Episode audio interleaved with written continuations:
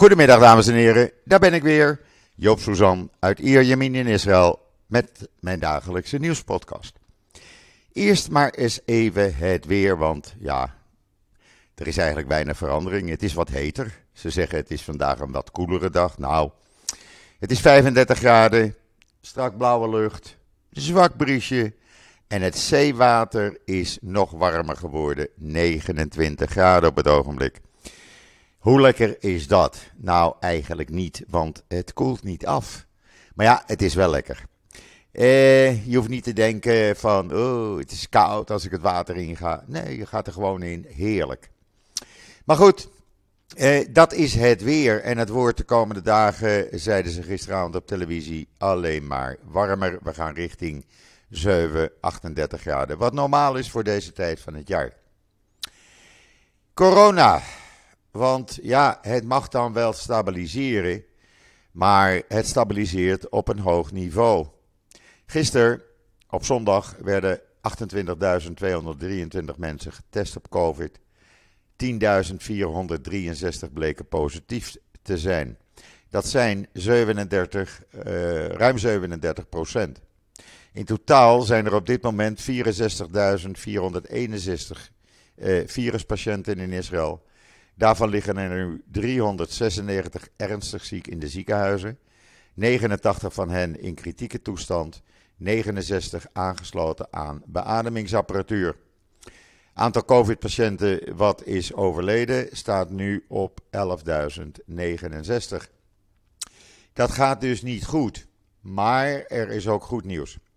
Want uit onderzoek van de Universiteit van Tel Aviv en de Ben Gurion Universiteit van de Negev in samenwerking met het Israëlische ministerie van Volksgezondheid blijkt dat de het vierde COVID-vaccin effectief is in het beschermen van ouderen, voornamelijk die in instellingen, instellingen uh, tegen het uh, risico op overlijden.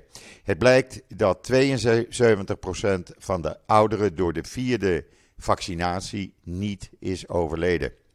Het risico is met 72% verminderd. Dat is nogal wat. Men heeft ruim 40.000 Israëli's in zorginstellingen uh, gecheckt. En daar kwam dit uit. Het hele verhaal kan je trouwens lezen op israelnieuws.nl. Het is echt een heel groot onderzoek geweest.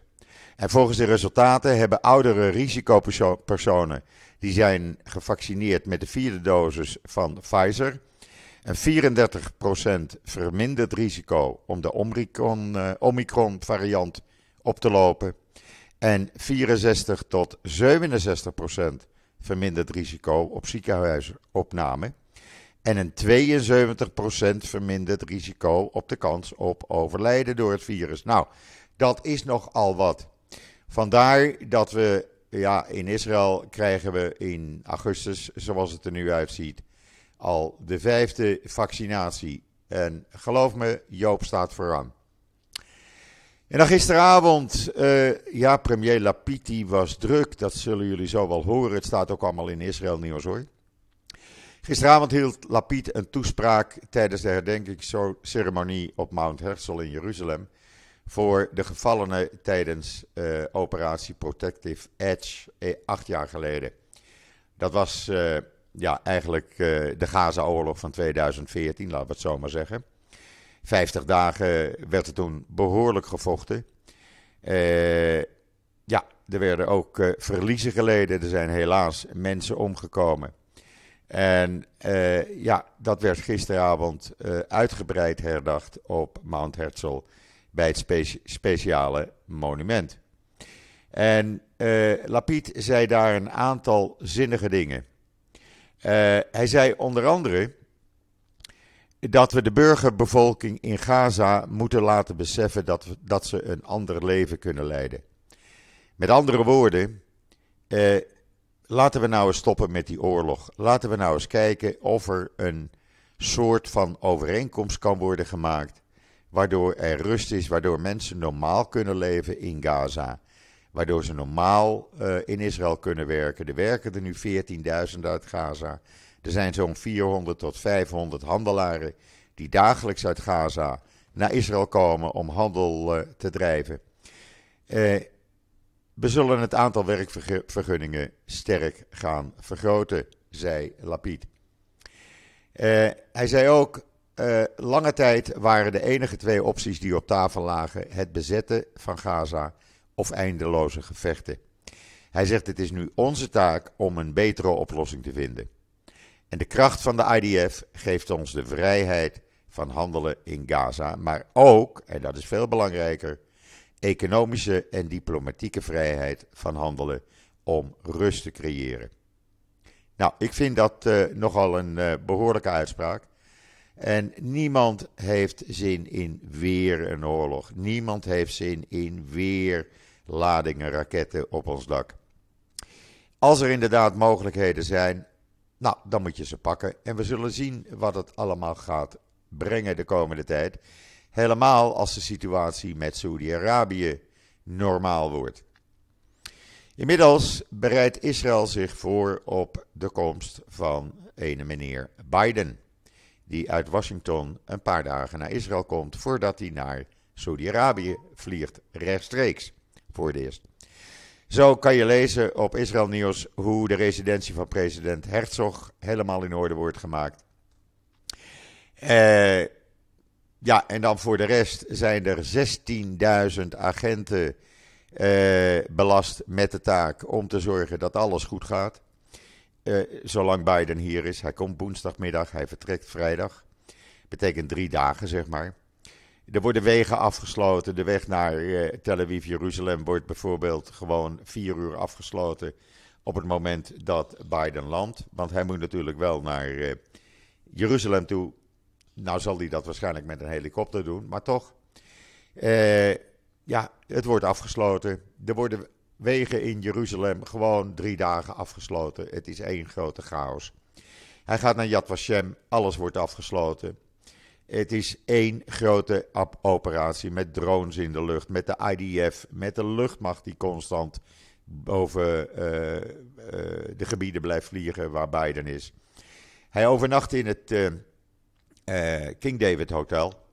Dat is niet alleen een van de meest luxueuze hotels in Israël, maar ook een van de veiligste, laten we dat maar rustig zeggen. Het is ooit ontworpen als een soort bolwerk en dat is het eigenlijk nog. als je daar wel eens ingaat, ja, je kijkt je ogen uit. Echt, geloof me. Ben in Israël en is er geen president of premier in Israël op visite, Doe een bezoekje aan het King David Hotel. Echt, zet het gewoon op je bezoekers, op je lijst van dingen die je wil gaan bezoeken. Want het is meer dan de moeite waard. Alleen al een kopje koffie of een glaasje wijn op het terras. Met uitzicht naar de muren van de oude stad, over de vallei. Het is fantastisch. Gewoon een keer doen. En dan, uh, ja, toen was Lapid klaar op Mount Herzl. Toen ging hij naar zijn kantoor.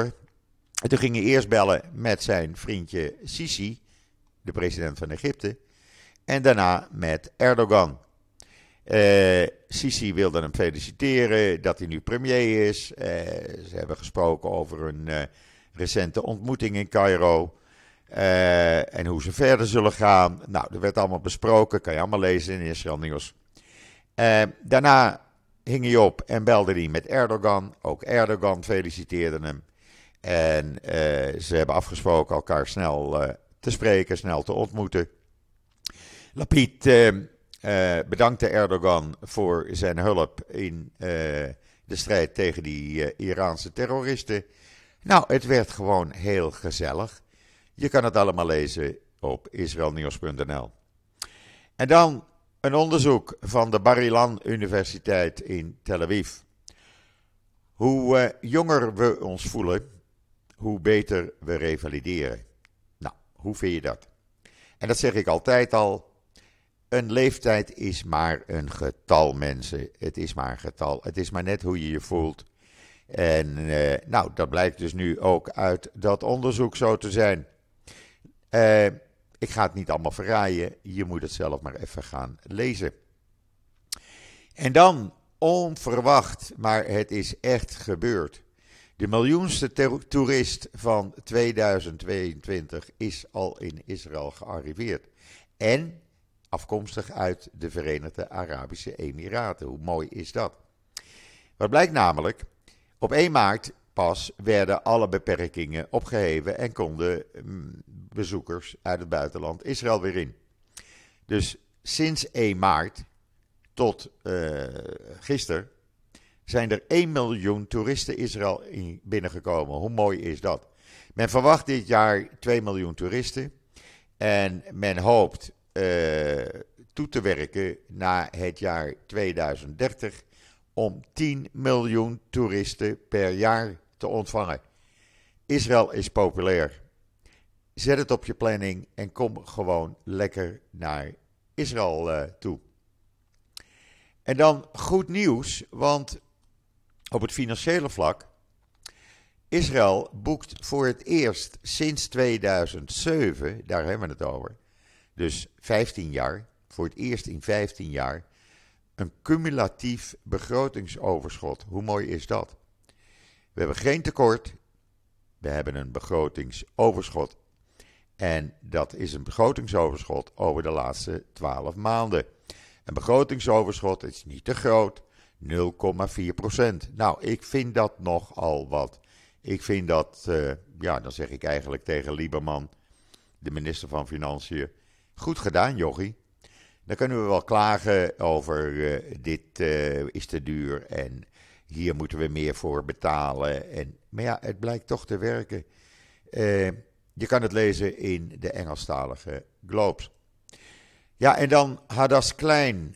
U weet wel, de kroongetuige die verleden week begonnen is met het vertellen van hoe dat ging met de bestellingen van wijnen, sigaren, juwelen, champagne, noem maar op, naar de familie Netanyahu toe.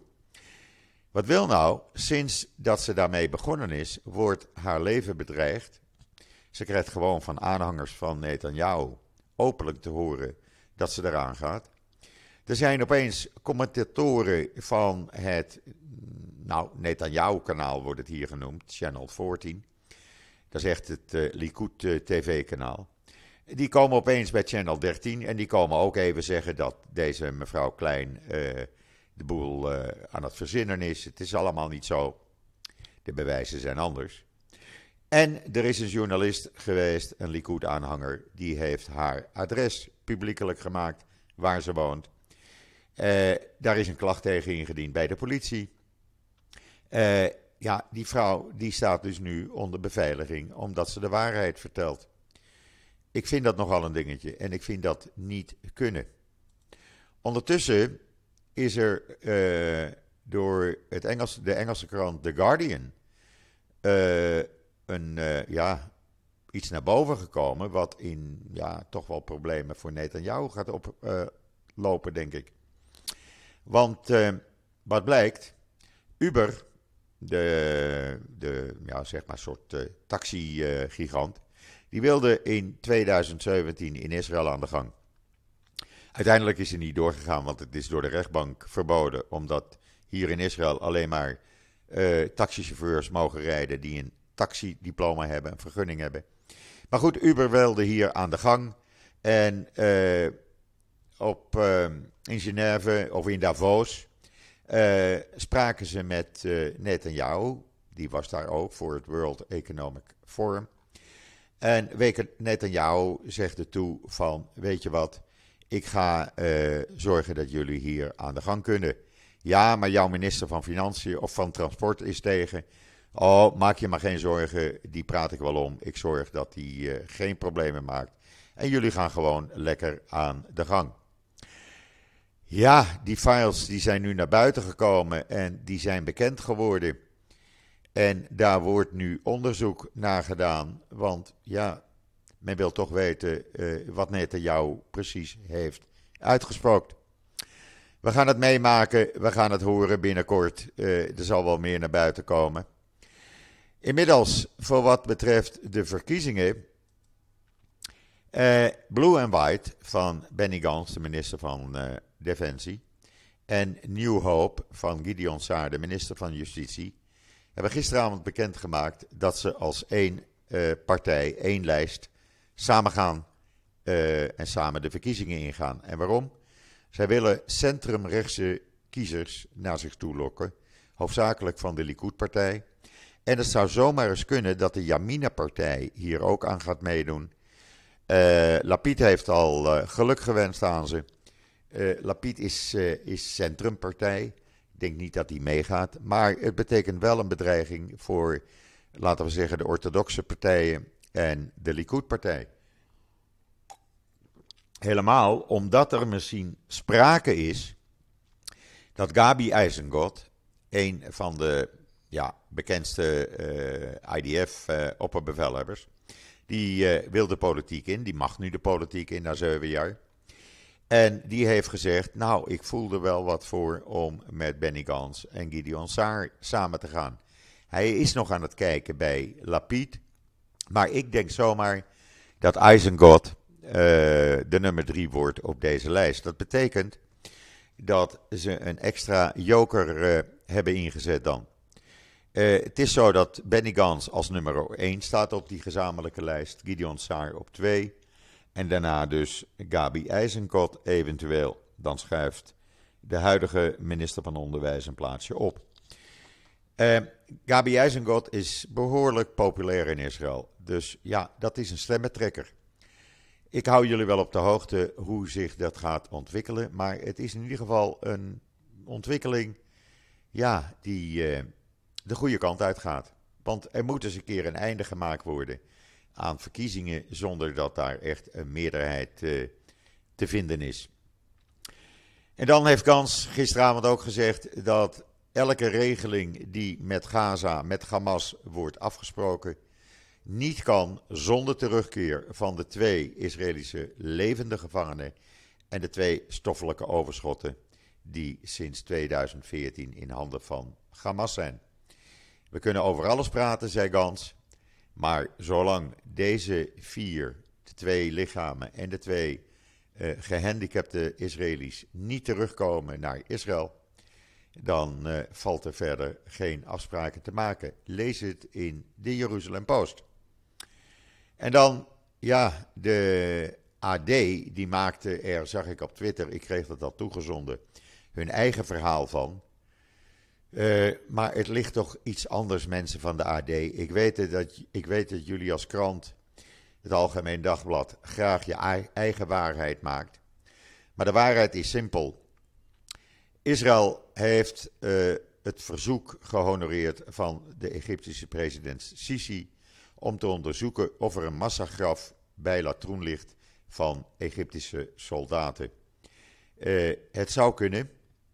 Uh, men is dat nu aan het onderzoeken. En zodra daar meer over bekend is, dan, uh, ja, dan zal dat naar buiten worden gebracht en zal ik het ook melden. Het AD maakt ervan dat het in een gebied is wat bezet was, of bezet is uh, door Israël. Maar dat is niet zo, mensen van het AD. Het is Latroen. Latroen ligt een kilometer of 25 ten oosten van Tel Aviv. Tussen, langs de snelweg Tel Aviv-Jeruzalem. Daar is ook het Legermuseum. Aanrader om dat te bezoeken. En dat is helemaal niet bezet, dat was altijd al Israël. Dus AD, graag een rectificatie. Ja, en wat hebben we nog meer? Ja, Amerika heeft bekendgemaakt, of er is bekend geworden. Hij was natuurlijk al in het Midden-Oosten, Biden. En dat zou dan een tiendaagse reis, reis zijn geworden. Nou, dat hebben ze maar niet gedaan. Ze dachten 79 jaar, dat wordt toch een beetje te veel. Men dacht dat het belastend, te belastend voor hem was. Dus heeft men dat in tweeën opgeknipt. Dus ja, eh, hij komt dus woensdag uit Washington weer naar, uh, dan naar Israël. Blijft hier drie dagen. Gaat uh, donderdag Yad Vashem, ik zei het al, Yad Vashem bezoeken. Spreekt met Lapid, spreekt met Netanyahu, want die heeft daar druk op uitgeoefend. Hij wilde ook ontvangen worden door Biden. Uh, is dan bij de Maccabia, de openingsceremonie, ontmoeten Israëlische en Amerikaanse sporters. Hoe leuk is dat? En uh, gaat vrijdagmorgen nog even met ene meneer Abbas in Ramallah spreken. Nou, daarna gaat hij weer terug uh, het vliegtuig in. En zal er voor het eerst een rechtstreekse vlucht tussen eh, Tel Aviv en Riyadh plaatsvinden, Saudi-Arabië. Dat is toch wel fantastisch dat dat kan. Ik vind dat echt weer een positief teken dat we op de goede weg zijn. En dan heeft een rechtbank in Israël uitgesproken dat online gesloten huwelijken, burgerlijke huwelijken, rechtsgeldig zijn en moeten worden erkend door het Israëlische ministerie van Binnenlandse Zaken. Nou, eh, prima toch? Als dat rechtsgeldig is, is het rechtsgeldig. Dan eh, wijs ik jullie nog even op uh, een column van Bas Belder. Ja, hij is er druk mee, maar hij vindt het ook leuk om te schrijven. En het gaat over de herdenking van 50 jaar München. Dat vindt uh, 4 september plaats in München. Daar zijn uh, natuurlijk iedereen, alle familieleden van de elf overleden of vermoorde sporters uitgenodigd. Alle hoogwaardigheidsbekleders, je kan het zo gek niet, denken, niet bedenken, uit Duitsland, uit Israël. Maar daar is wat meer aan de hand. En wat daar aan de hand is, dat kan je nu lezen op Israël Nieuws. Want Bas Belder was zo vriendelijk om dat uit te werken voor ons. En de kop van het artikel luidt: er is helemaal geen reden tot viering van het 50-jarig jubileum uh, van de uh, terreuraanslag op de Olympische Spelen in München. De moorden zijn een trauma voor Israëli's. Lees dat verhaal, lees die column. Ik kan er niet meer als achter staan. Uh, er wordt ook nog over gesproken aan het eind. Dat, het is in Duitsland naar buiten gekomen. Dat uh, de president van het Duits-Israëlisch Genootschap, Volker Beck, heeft per brief de Duitse autoriteiten opgeroepen om de nabestaanden op gepaste wijze na 50 jaar eindelijk financieel schadeloos te stellen. Die zetten zich al jarenlang dag en nacht in voor een financiële schadeloosstelling. En het zou zomaar kunnen, zegt hij, dat als uh, daar geen regeling voor komt, de familieleden niet naar deze herdenking gaan. Het is een hele indrukwekkende kolom, een hele duidelijke kolom van Bas Belder. Een aanrader voor iedereen die daarin geïnteresseerd is. Ja, en dan uh, hebben we gisteren natuurlijk uh, met, met ons velen genoten van uh, Max Verstappen. Het was jammer dat Ferrari toch veel meer snelheid had. Hij redde het gewoon niet.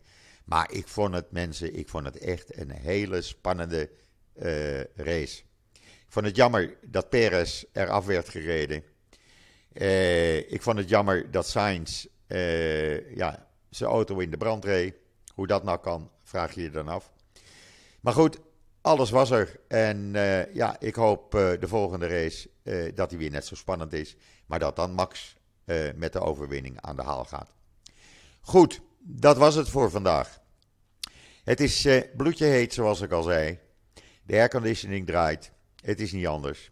Ik wens iedereen nog een hele fijne voortzetting van deze maandag, de 11e juli en uh, wat mij betreft, ik ben er morgen weer. En zeg zoals altijd: tot ziens, tot morgen.